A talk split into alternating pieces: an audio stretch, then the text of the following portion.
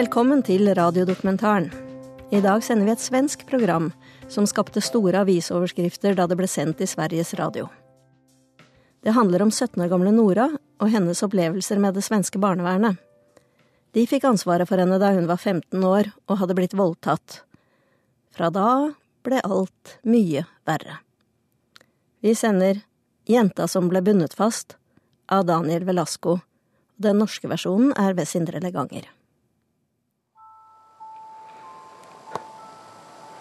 Jeg kunne tenke meg at det skulle hende meg. Det var liksom noe som man ikke hade kunnat ane ens. En 16 år gammel jente sitter alene i et rom på barne- og ungdomspsykiatrisk akuttmottak. Det er februar 2006. Hun tar fram et videokamera og filmer seg selv. Jeg får äcklighetskänslor så fort jag känner röklukt och svårt jag hör någon andas ordentligt.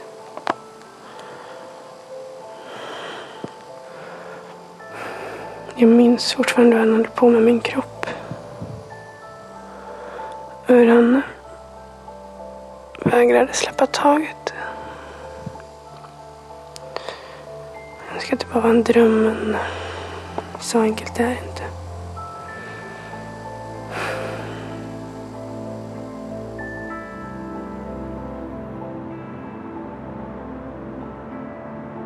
Høsten 2011.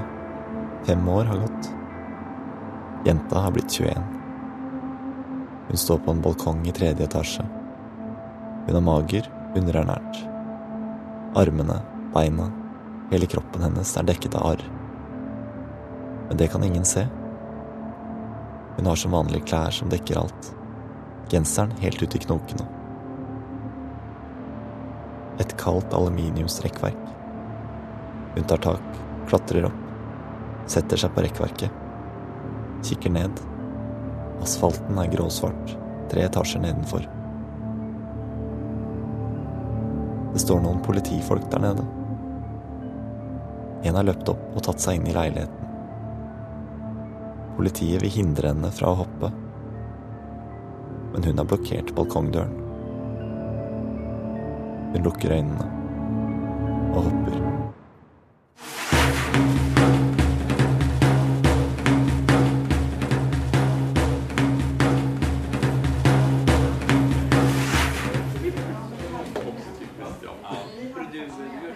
Det er 2009.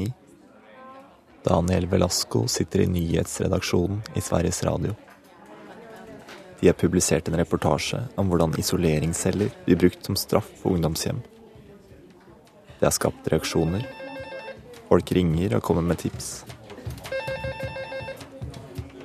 En kvinne ringer og forteller at datteren hennes har blitt holdt på isolat. Daniel vet allerede om over 100 sånne tilfeller. Han skal til å takke for samtalen, men merker at kvinnen vil si noe mer. Så begynner hun å fortelle om at datteren har prostituert seg på en institusjon. Daniel sier han gjerne vil snakke med datteren. Det er sånn han kommer i kontakt med jenta som vi her kaller Nora.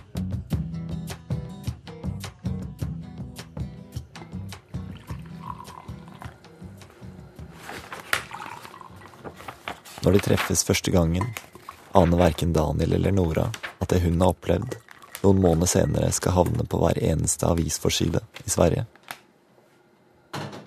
Høsten 2009 drar Daniel hjem til Noras nye leilighet. Hun har akkurat fylt 20 og har sluppet ut etter å ha vært tvangsinnlagt for selvskading. I tenårene har hun blitt sendt rundt mellom forskjellige behandlingshjem og institusjoner. Det er jo det at det har varit ett riktigt jävla kaos liksom. Att det bara har varit eh, snurr på allt hela tiden liksom. Att man inte riktigt har hunnit stanna upp och sådär. Så man önskar ju att man hade haft ett liv som vilken ungdom som helst eller vilket barn som helst. Alltså det här var det enda jag kunde hitta om Tumlebo. Så då hade jag skrivit en eh, novell om det. Hur det var der og hva som hendte og sånt der. I novellen skriver Nora om hvordan hun og en annen jente begynte å prostituere seg på ungdomshjemmet Tumlebo. Det var jo der det begynte, liksom. Jeg hadde jo liksom ikke gjort det innan. altså prostituert meg. Og jeg skulle aldri aldrig i min vildaste fantasi ikke prostituere meg var- alltså innan jeg ble placerad.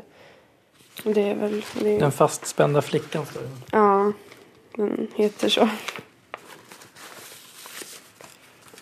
Jag kom in i det, att jag skulle eh, plåga mig själv så mycket som möjligt liksom. Så att jag har ju i stort sett tvingat mig själv till att eh, träffa torskar och sånt där. För att just för att jag har varit så jävla äcklad av det liksom. Du liksom ska göra det värsta som du kan tänka dig att göra. Ska du göra det bara för att jävlas med dig själv liksom, på något sätt? Eller? Ja, altså på noe sett har det jo vært det. Snart prostituerer hun seg nesten hver dag. Helt til en natt, da hun blir bundet fast og så grovt voldtatt av en sexkjøper at hun havner på sykehus. Hun forteller politiet alt om hva som har skjedd på behandlingshjemmet. Når Nora og Daniel treffes høsten 2009, har det gått to og et halvt år siden voldtekten, og voldtektsmannen går fortsatt fri. Jeg hadde jo notert eh, hans eh, registreringsnummer på bilen. Eh, og de søkte jo liksom för att, eh, på det jeg visste om ham. Eh, men de fant ham ikke, så det kunne jo ikke bli noe. Så han hittades aldri? den här Hvorfor ble han aldri funnet? Hvordan kunne de ha mulighet til å prostituere seg på et behandlingshjem? Og hvordan havnet hun egentlig der, i første omgang? Oi, det er en hel låda där. Daniel og Nora går gjennom kasser med dagbøker, videoer og papirer. Oi, hvor mye. Ja, Det er alle sånne dokument fra ulike myndigheter også? då. Nei, det har jeg i den andre lådan. Oi, en til låda. Bit for bit rulles Noras historie opp.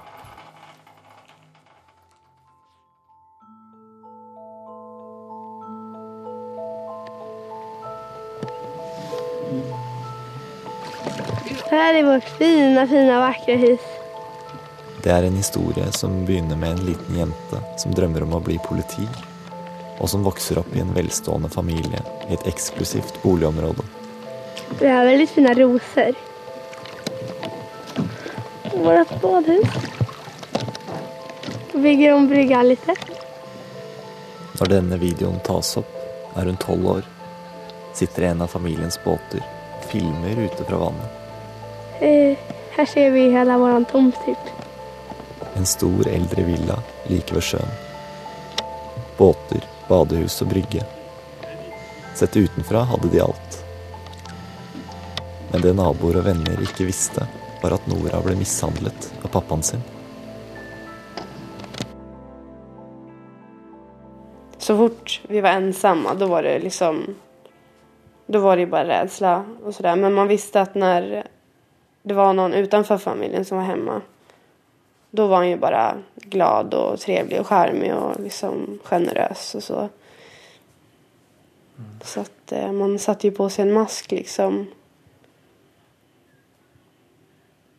Jag var ju alltid den där glada, spralliga tjejen fram till nian då jag blev sjukskriven.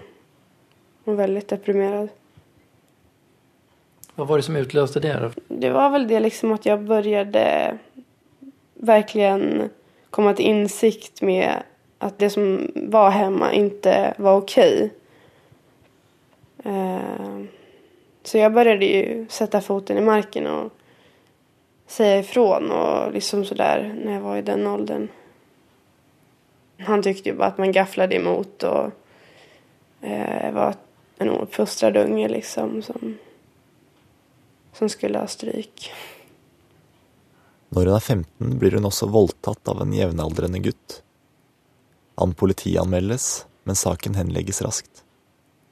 Det er etter den voldtekten at sosialtjenesten, det svenske barnevernet, blir oppmerksomme på Nora.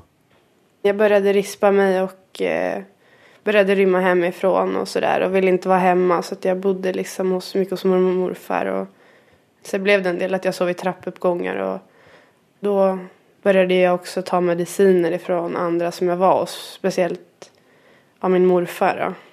Så att det blev liksom att jag började ta överdoser och hamna på sjukhus och liksom sådär. Så jag utvecklade väl liksom ett missbruk med både alkohol och eh, tabletter. Nora anmelder pappaen sin for mishandling. Hun har fått anoreksi, og hun kutter seg opp på armene. Pga. selvskading, psykiske problemer og det sosialtjenesten kaller hennes relasjonsproblem med pappaen, plasseres hun i et fosterhjem i slutten av 9. klasse. Det var veldig skjønt enda, altså, fast de, de också drack en del. Eh, så var det ändå skönt för man fick ju lugn och ro och behövde inte gå runt och gömma sig och känna sig rädd liksom.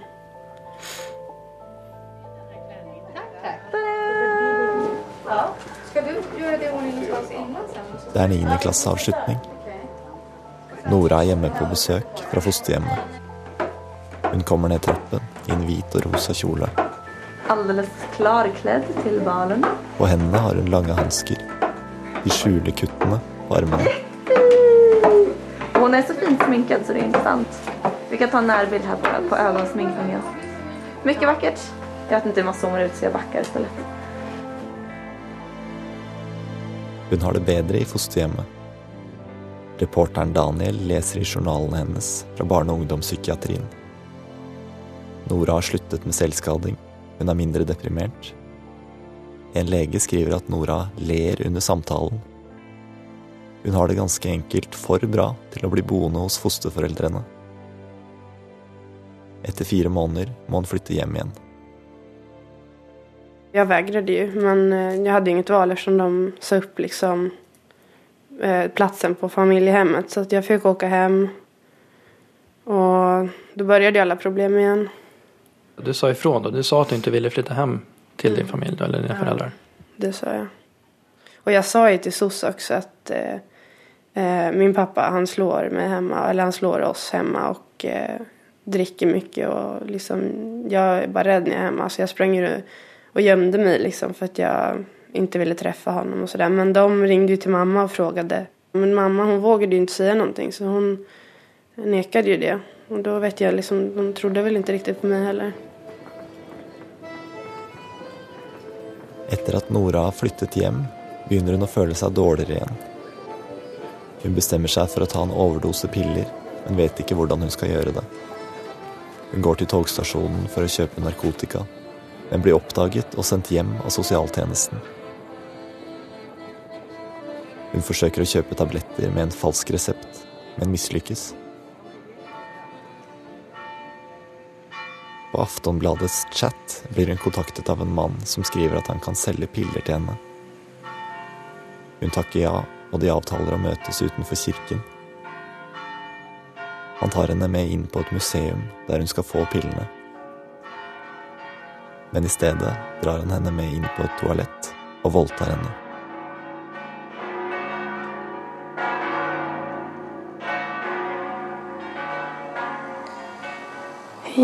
Just nu är jag inlagd på BUP. På barn och ungdomspsykakuten. Det er noen dager etter voldtekten på museet. Nora er 16 år. Jag mår jävligt dåligt. Hun filmer seg selv i et ekstremt nærbilde. Man ser bare det ene øyet. Jag känner mig så jäkla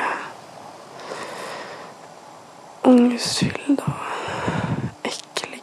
Jag har inte duschat på flera dagar nu för jag känner att jag klarar inte av att stå i duschen. Klarar inte av att vara inne på toaletten. Jag kan knappt gå på toa.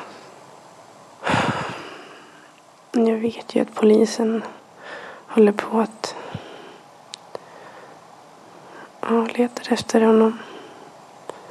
Men jag tror inte det, det kommer inte leda någon vart. Det är på grunn av mig som det har hänt. Jag vet det. Så hade inte jag kontaktat honom på internet. Eller det han, han kontaktade mig men om jag inte hade varit inne på internet. Och inte följt med och träffat honom utan varit og inte följt med in på museet. Hun filmer armen sin. Den er full av ferske sår. Massor med ärr och där har vi en ängel. Hun har skåret en engel inn i huden på armen. Och eh, just nu så känner jag väl att jag inte har någon ork till någonting. Jag vill helst ha allt bara bort. Etter voldtekten på museet mener sosialtjenesten at Noras problemer er så alvorlige at hun må legges inn på en behandlingsinstitusjon. I mitten av mars så ska jag in på behandlingshemmet som heter Hoppet. Och jag tror att det kan vara någonting för mig. Ja, jag hoppas verkligen att det blir bra. Jag känner mig bara så himla dum. Att jag liksom bara satt mig själv i all den här skiten liksom egentligen. Ja. Men jeg får faktisk skylde meg selv. Hun havner på behandlingshjemmet Håpe. Hennes første psykiatriske behandlingshjem. Det var bra, altså. Det var jo bare kvinnelig personal og eh, jag känner, liksom, känner mig trygg där. Det kändes bra. Men eh, det blev ju liksom så att jag ville bevisa för dem att jag behövde hjälpen och att jag behövde bo kvar där. Eftersom de hade flyttat mig hem igen när det hade börjat gå bra. Så då ville jag liksom få dem att förstå att jag behövde vara där en längre tid och inte komma hem. Så jag mm, ja, drack och tog lite tabletter och skadade mig och, så, och låste in mig på rummet och kom tillbaks med polisen flera gånger. Och, eh, men då eh, ansåg de att jag inte kunde vara kvar där för att jag var för destruktiv mot mig själv. Så då flyttet flyttades jag till eh, mitt första på sån låst, institusjon. Noras plan om å oppføre seg dårlig for å få bli på behandlingshjemmet går for langt. En kveld drar hun inn til byen. Hun blir funnet beruset på toalettet på McDonald's med barberblad på seg. Da tar sosialtjenesten fullstendig kontroll over Nora. Hun tvangsinnlegges i tråd med den svenske loven om behandling av unge. Midt på natten kjøres hun til Falkenberg, der hun blir innlagt på en lukket behandlingsinstitusjon for ungdom. Solgården. Ja, jeg ble körd eh, TPT heter det, transporttjenest, som de kör eh, brottslingar med. Så jag kom ju dit med dem på natten och fick eh, klä av mig alla kläder och de skulle visitera mig och kroppsbesikta mig och sådär. Så det var liksom, jag förstod ju inte vad det var jag hade kommit liksom. Jag var ju bara glad att jag slapp att komme hem liksom, just då. På Solgården skal de utrede hvilken behandling som må til for at hun skal slutte med selvskading. Men det blir bare verre. Flere ganger blir hun satt på isolat, og i lange perioder får hun ikke være ute i det hele tatt. Ikke engang i den inngjerda luftegården. Det her var jo liksom, eh, det var jo på Solgården som eh, mitt, Altså det var jo når jeg ble innlåst som jeg begynte liksom skjære meg mer og fikk åke opp og sy for første gangen og så der. Men eh, det har noe med å gjøre at jeg mådde så dårlig over att være innlåst og at man fikk mye mer ångest liksom. Etter noen måneder melder personalet fra til sosialtjenesten om at Nora har blitt enda dårligere av å være innlåst på Solgården. Foreldrene hennes har skilt seg, og Nora vil flytte hjem igjen. Men det tillater ikke sosialtjenesten. Først begynte det liksom med at jeg rispet meg med vassa föremål bare. Men så overgikk det til rakhyvler, og til slutt så begynte jeg å plukke ut rakbladene i rakhyvlene. rakhyvlarna och meg med det. Så det blev ju bara djupare och djupare.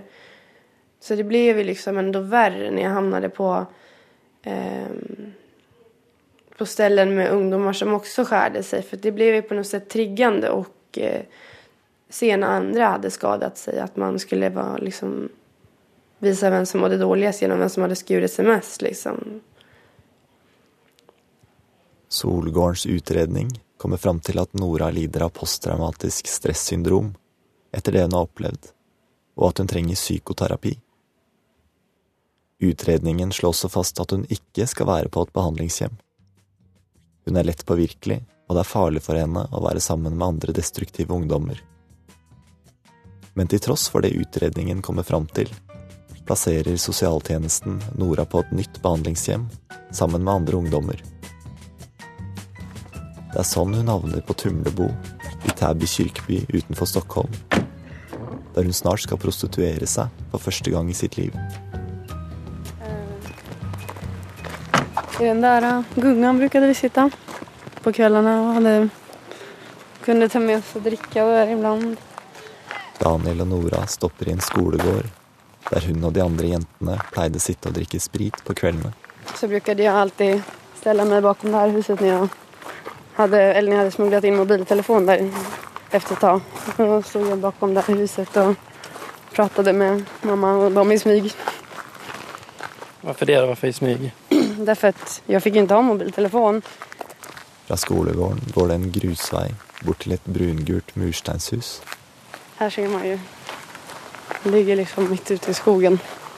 Det er Tumlebo, en avdeling av Roslagens elevhjem, der Nora havnet sammen med fire andre jenter.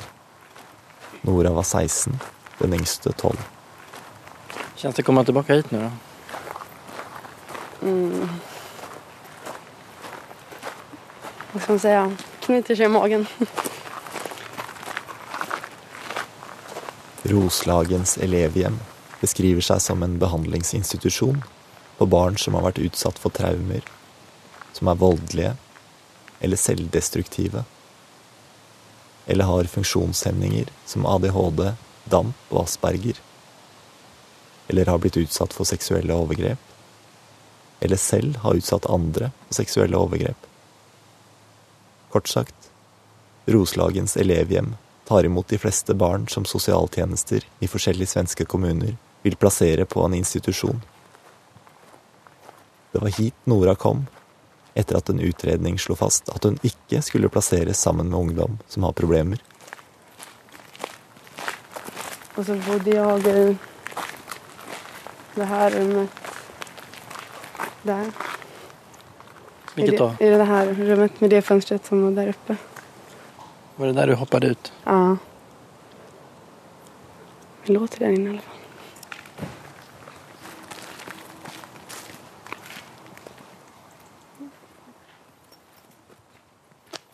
Då jobbade jag som behandlingsassistent på enheten.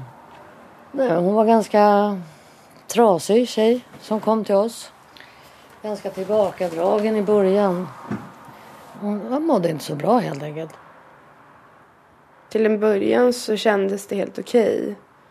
I og med at jeg ikke lenger var inlåst så sådär. På Tumlebo har personalet lov til å holde Nora igjen, selv om hun vil dra sin vei. Og framfor alt skal hun få den terapien det har blitt slått fast at hun trenger. Det står i begrunnelsen for innleggelsen hennes. Kristin Roman var omsorgssjef da Nora kom dit. Alltså det ingår eh, hos oss att eh, vill man gå i psykoterapi, vi ordnar individualpsykoterapeuter, vi gör det externt och vi försöker hitta den bästa psykoterapeuten som matchar så att säga behoven. Och vi har ju hela Stockholmsområdet att plocka, handplocka psykoterapeut. Jag tjatade ju på, på att få behandling så att jag kunde börja prata och sådär. Men då sa de att inte förrän du anförtror dig till en personal. Men det var ju inte så lätt att anförtro sig till personal när det kom och gick så mycket olika personer. Man visste ju knappt vad personalen hette ibland liksom. Mens Nora har vært plassert rundt på institusjoner, har hun blitt liggende etter på skolen. Sosialtjenesten velger Roslagens elevhjem, fordi der kan hun få undervisningen hun trenger. Men skolen kommer ikke i gang. Så jag fick ju vara på Tumlebo om dagarna. Men medan de andra gick i skolan då. Så jag var ju själv. Och det var ju väldigt dåligt för att det fick ju mig bara må sämre att inte aktivera sig liksom. På dagen har ikke Nora noe å gjøre. Men på kveldene kommer de andre jentene tilbake fra skolen. Hej och välkommen till Knarkarskolan. Idag ska vi prata om hur det är att vara hög. I Noras kasser finner reporteren Daniel en video som hun og de andre jentene tok opp på Tumlebo. Och ett exempel är boffa. En av elevene viser hvordan man boffer. Hun tar fram en sprayflaske og sprayer ned i en pose. En flaska. Några sprut. Ah, det där är fint. Så puster hun inn.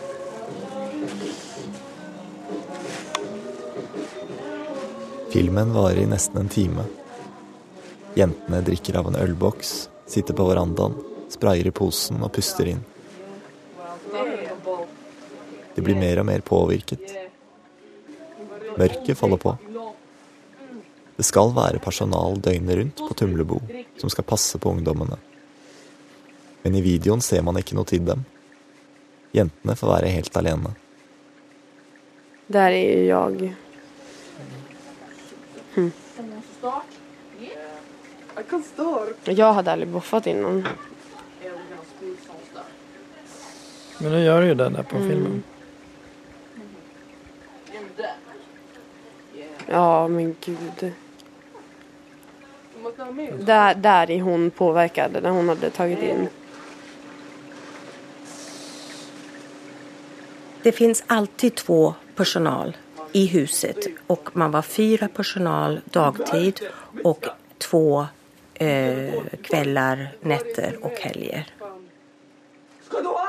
Men här är det ändå en ganska lång film och det syns ju aldrig någon personal. Och hade det funnits en personal hade de väl antagligen reagerat om de dricker öl och sitter och boffar. De skulle absolut ha reagerat. Det ska finnas alltid personal i huset, alltid. Så att jag kan inte svara på det. Det ska inte vara möjligt. 4800 kroner per døgn må hjemkommunen betale for Noras opphold på Tumlebo. Personalet som skal være der, er der ikke. Skolen kommer ikke i gang. Og psykoterapien, selve behandlingen, blir det heller ikke noe av. Att varför det inte kommer igång, eller det, det, oftast så tar det ju tid innan det kommer igång. Eh, eh, för att det- vanligaste är att ungdomen själv inte är motiverad till det. Eh, så att... Eh, eh, Men här var ni ju motiverade. Hon efterfrågade till och med det och ändå kommer det inte igång. man får komma ihåg att eh, Nora kom i mitten av oktober. Hon var hos oss i lite drygt fyra månader. Och, och under den tiden är det ju jul och nyår. Att hitta en terapeut, att anlita en terapeut, att få igång, det tar lite tid. Men vad, ni tar ju ändå liksom nästan 5 000 kronor per dygn från kommunen i det här fallet. Liksom, vad, vad är det ni gör då? Vad, vad är det hon ska göra där? Vad, ska de pengarna användas till? Alltså vi har, vi har en, ehm, en hög personaltäthet. Vi har ju, vi, eh, vi erbjuder psykoterapi. Men det fikk hun ju aldrig, fast hon ville ha det. Mm.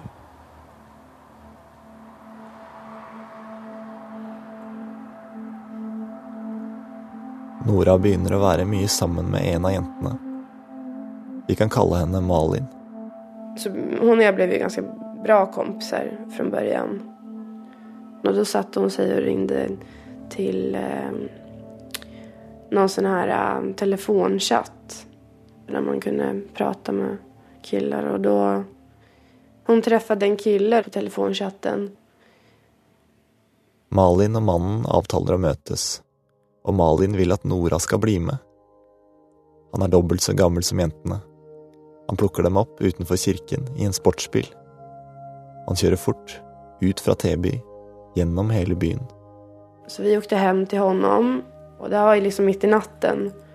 Så personalen hade ju ingen aning om vad vi, eller de låg ju och sov så de visste ju inte att vi hade dragit iväg.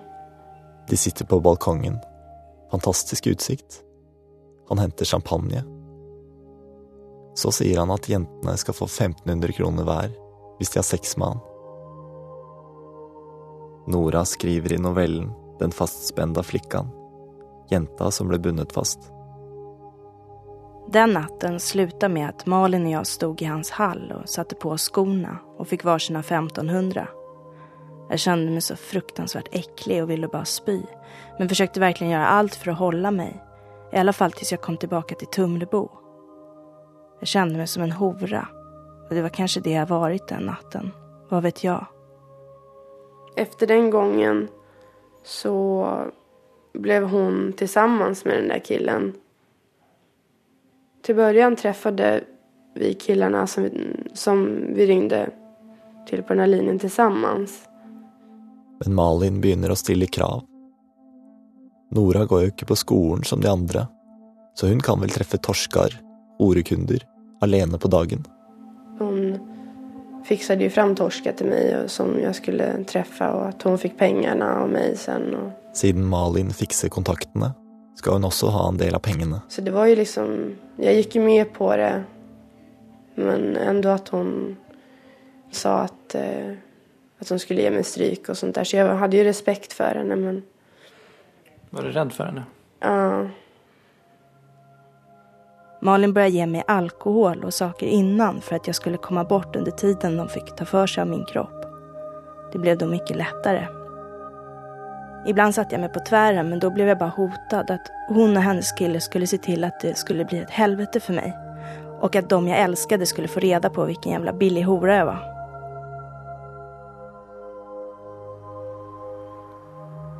Ja, det började hända saker kring henne. Tillsammans med en annan elev till exempel.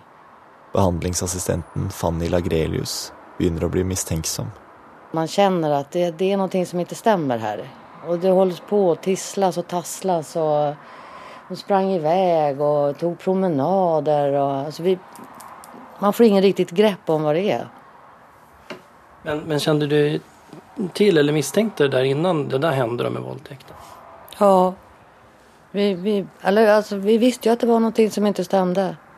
Det var någonting som inte var bra. Och sen den här andra eleven. Hon hade ju någon pojkvän som hon åkte iväg till. Som også var... Nei, det var ikke bra. Selv om personalet mistenkte at jentene prostituerte seg, gjorde de ingenting. De merket jo liksom at man forsvant og så der. Jeg träffade dem jo både på netter og på dagene. Även fast jeg kunne være borta ganske lenge, så, ja, jeg vet ikke. de, har liksom, de frågar ju inte och sådär. Kommer du ihåg de her liksom, torskene? Hva var det for noen människor? Ja, det är helt vanliga, alltså män eller gubbar liksom. Vilka som helst i princip. Ja, Vad tänker du om dem nu då idag? ja, alltså jag blir väldigt arg liksom för att de som jag har träffat har ju ändå sett på mig att jag har varit en destruktiv tjej. Um, att jag ibland har träffat dem med sånne här um, band som man får från sjukhuset när man har varit inlagd. Och jag har ju alltid varit ärrig och ibland till och med har jag haft gips liksom när jag har träffat dem. De har liksom inte kunnat undgått att du har skurit dig själv och så. Nej, verkligen inte. Utan det har de ju sett.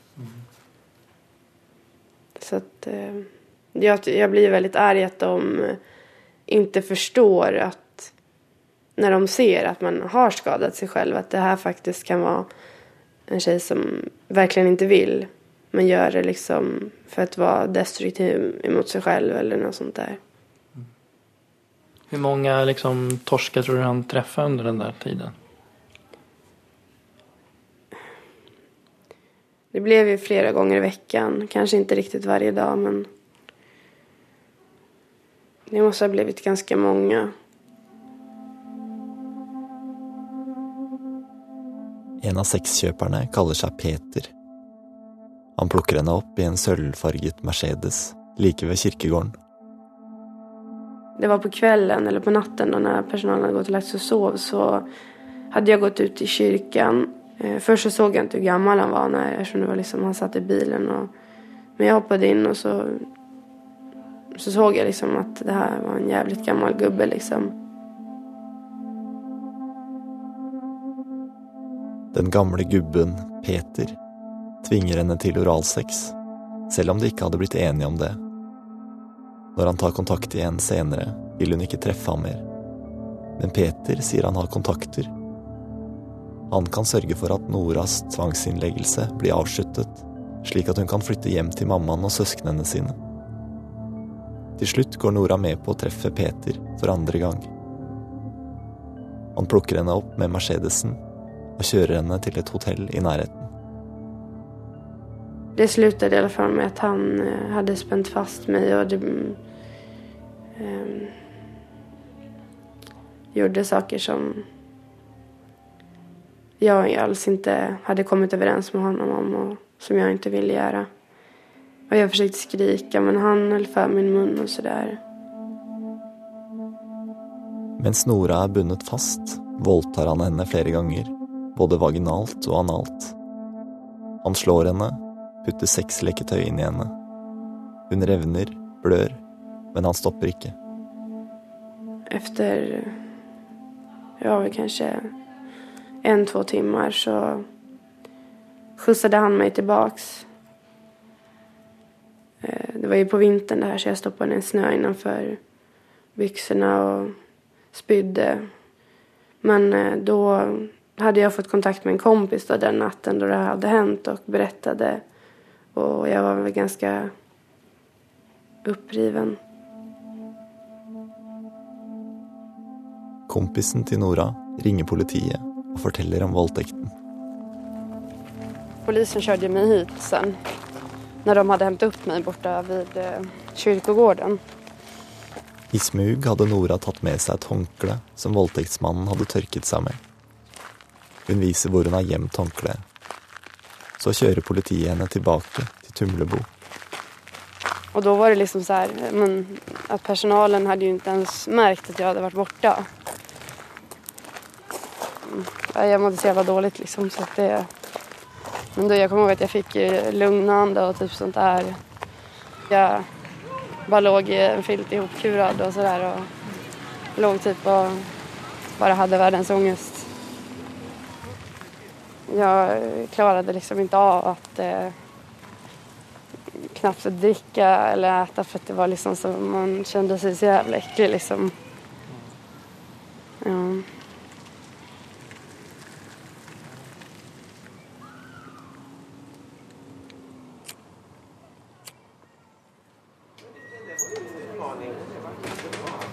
Hej.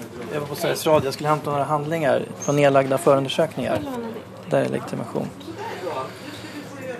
Daniel graver fram politiets gamle etterforskning. Han leser avhøret av Nora fra 2007. Hun forteller politiet alt. Om voldtekten, om hvordan hun og Malin prostituerte seg, om hvordan Malin fungerte som hallik og krevde penger av henne. Nora gir politiet sexkjøpernes navn, adresser og telefonnummer. Det står også at en av de andre sexkjøperne tvang til seg oralsex mot hennes vilje. Politiet fortsetter derfor undersøkelsene. Om en som kaller seg for Peter, som voldtok Nora. Ytterligere en voldtekt utført av en annen sexkjøper, Mikke, han som skal ha tvunget til seg oralsex. Så etterforskes Malin for hallikvirksomhet, og en rekke andre menn for kjøp av seksuelle tjenester av barn. Nora leser fra dagboken hun skrev på sykehuset. 6 februari, ja, det var noen dager efter 2007. Polisförhören är i stort sett eh, i alla fall kring händelserna. Polisen frågade liksom allt på ett sätt som fick eh, det att kännas som at det var mitt fel. Eh, jag spyr nu för tiden så fort jag får någon möjlighet. Personalet på Tumlebo blir også avhørt av politiet. Men det virker som de ikke tror på at Nora har blitt voldtatt. I avhørene står det bare at Nora er manipulerende og pleier å finne på ting. Men da bestemte vi i alle fall at jeg skulle gå inn i hennes rum for å liksom lete fram saker helt enkelt. Og det gjorde jag. Där hittade jag pengar, burkar med tabletter i och sådana saker. Hur mycket pengar hittade du?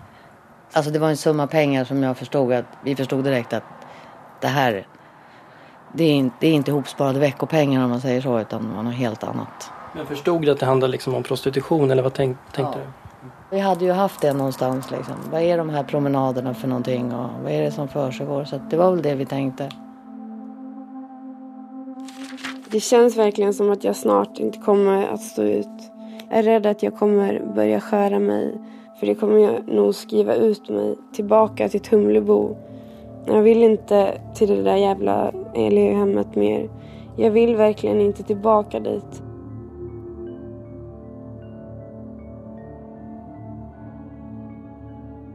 Nora er fortsatt på sykehuset. Personalet og sosialtjenesten bestemmer at hun skal tilbake. Men Nora har sladret. I avhørene har hun hengt ut de andre. At hun er livredd for at Malin eller sexkjøperne skal hevne seg på henne, blir tydelig når man leser journalene hennes fra Tumlebo. Nora låste in seg på sitt rum og barrikaderade døren så att det var omöjligt for personalen å ta seg in. Hun tør ikke engang gå på toalettet.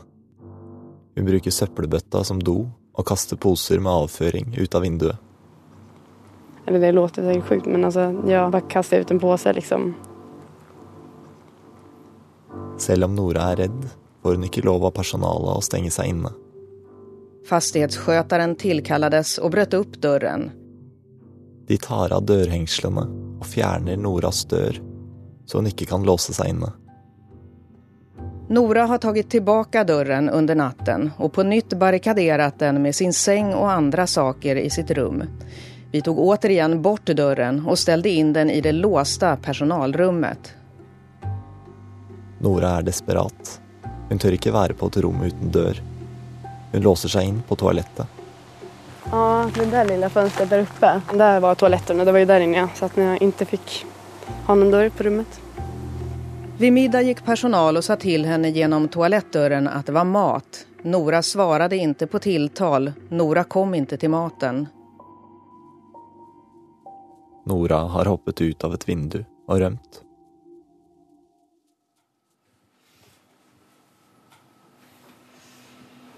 Ska vi ha lite fika? Ja. Hun rømmer hjem til mammaen sin. Det som jag tyckte var otäckt det var ju eh, när du sa at att du var så rädd för den där tjejen. Och sen sa de att de hade lyft bort din dörr. Så rymde du hem. Det var ju liksom väldigt sunt egentligen att du rymde hem och inte någon annanstans. Men eh, ja, ibland kanske man skulle kunna hantera vissa saker hemma bara man fick hjälp hemma. Nora vil bli værende hos mamma, men det får hun ikke lov til. Verken Nora eller moren har lenger rett til å bestemme det. Nora er tvangsinnlagt og etterlyst. Da ringde de og fortalte at du hadde avviket. Og da var jo hun veldig noga med å si at så fort du eventuelt dukket opp hjemme, mm. så skulle jeg ringe til polisen. Og når du kom så, ja men då, då gör man ju som när man har, för du var ju liksom ett barn då. Då höll jag ju om det och så frågade om du hade ätit någonting och det hade du inte. Och då vände vi pizzor. Och så satt vi och pratade. Och så sa jag till dig att nu måste jag ringa till Tumlebo. Hon skulle ju då ha reda på exakt hur det hade gått till när du kom och när det var. Och till slut när hon då förstod att jag inte hade ringt direkt när du klev innanför dörren. För vi kanske hade suttit en halvtimme och, och pratat. Alltså. För mig kändes det rätt. Um, då fick jag en ordentlig utskällning av henne. Att jag inte hade gjort det med detsamma. För jag skulle inte ha bjudit dig på pizza. Och, det var liksom, tyckte jag kändes väldigt... Nej, Det var liksom obehagligt. Nora skjutsas tillbaka till Tumlebo vid 10.30. Enhetschefen berättar att den andra flickan som Nora anklagat är arg på henne. Nora er livredd. Først lar personalet henne være innelåst på et samtalerom. Men på kvelden bestemmer personalet at hun må sove på sitt eget rom, som fortsatt ikke har noen dør. Nora låser seg inne i dusjen. På dette tidspunktet har Roslagens elevhjem søkt om mer penger fra sosialtjenesten for å kunne overvåke Nora. Ekstravakter er på plass for å følge med på Nora gjennom hele natta. Likevel merker de ikke at Nora låser seg ut av dusjen og rømmer igjen. Denne gangen kommer hun ikke tilbake. En uke senere blir hun funnet i Gøteborg. Bevisstløs, med oppkutta håndledd.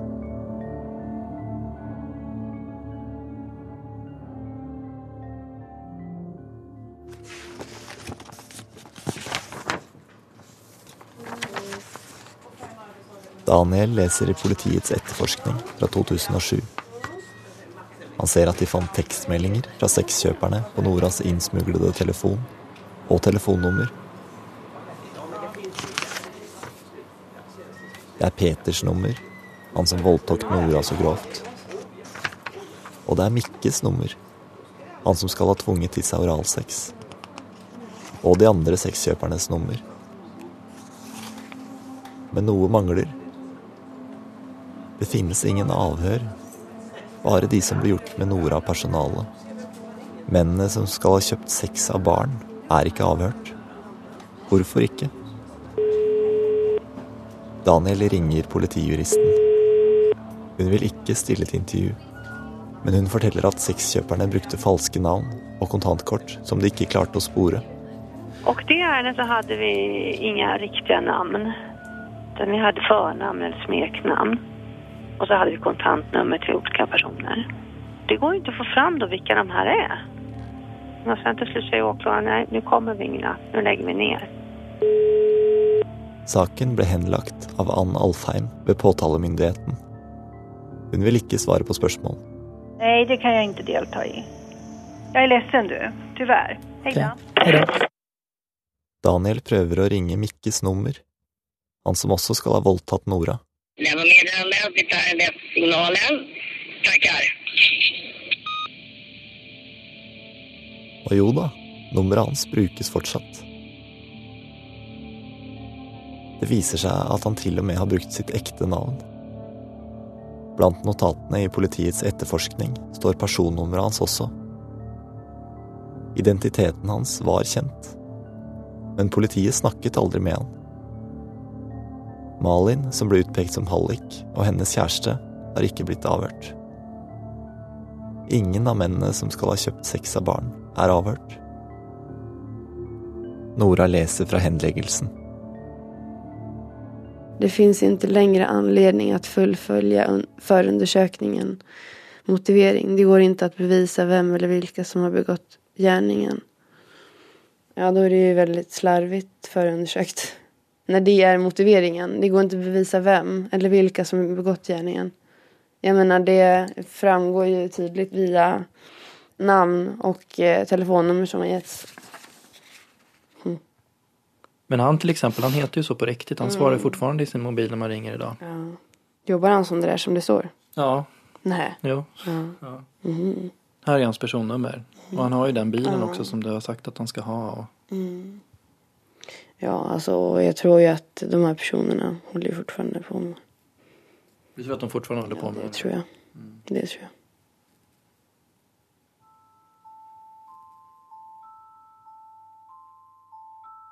Etter at Nora blir funnet i Gøteborg, bestemmer sosialtjenesten at hun enda en gang skal låses inne på en lukket behandlingsinstitusjon for ungdom. Hun havner på en avdeling med tre gutter. Hun bestrider tvangsinnleggelsen i lensretten, men får nei. Hun anker til kammerretten. Jeg undrer så hur det kommer bli. Får jeg min röst hörd äntligen och får vara delaktig i min placering og mitt liv. Når man väl har hamnat eh, i SOS händer så er det et helvete og så enormt svårt å ta seg ur det. Etter fire måneder på det nye ungdomshjemmet har fortsatt ikke terapien det ble bestemt at hun skulle få, kommet i gang. Den blir det ikke noe av nå heller. I desember 2007 kommer kammerrettens beslutning. Nora har rett. Hun skal ikke være tvangsinnlagt. Pappaen, som var problemet i begynnelsen, har ikke bodd sammen med moren det siste året. Skolen og behandlingen som aldri kom i gang på behandlingshjemmene, kan Nora få raskere på egen hånd, skriver kammerretten. Og Nora slippes fri. Under alle de her årene som jeg har sittet, så har jeg Jeg har jo aldri fått eh, samtalskontakt med noen eh, psykolog eller ikke ens kurator liksom. Men var ikke det liksom orsaken til at du... Jo, meningen var ju att jag skulle få någon slags behandling och vård så men det har ju mest varit förvaring liksom.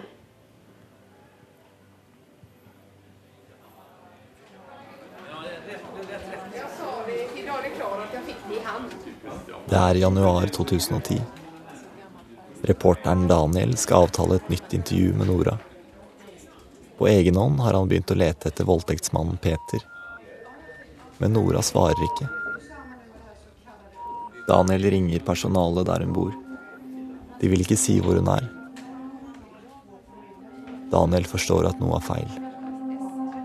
Han finner til slutt ut at voldtektsmannen han leter etter, akkurat har blitt tatt. Han får nummeret til Noras bistandsadvokat, Bernike. Han ringer og spør om hun vet hvor Nora er. Hun vil ikke svare, men stemmen hennes høres underlig ut.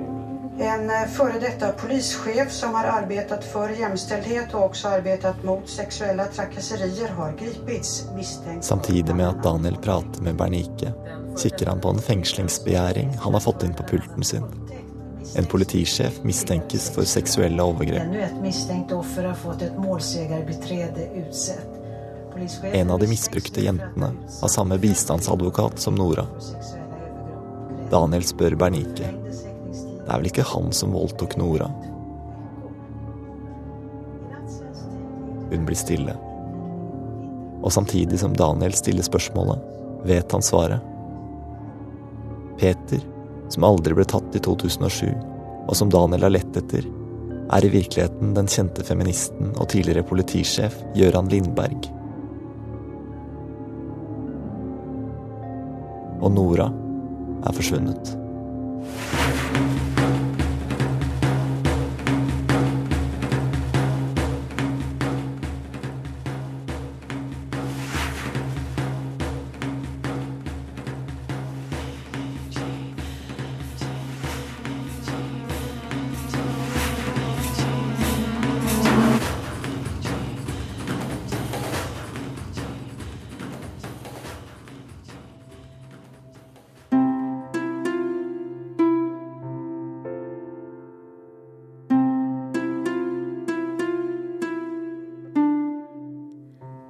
Har hørt 'Jenta som ble bundet fast', en dokumentar av Daniel Velasco for Sveriges Radio. Produksjon Ylva Lindgren, sluttmiks Fredrik Nilsson. Den norske versjonen var laget av Kjetil Hansen og Sindre Leganger. Nora, Malin og Mikke heter egentlig noe annet. Dette programmet var første del av historien om Nora. Hvis du vil høre hva som skjedde etterpå, kan du høre andre og siste del av Den fastspenda flikkan på Sveriges Radios nettsider under programmet P1 Dokumentær. Disse dokumentarene vant flere prestisjetunge priser i fjor, blant andre Pri Europa. Nora er fortsatt i live.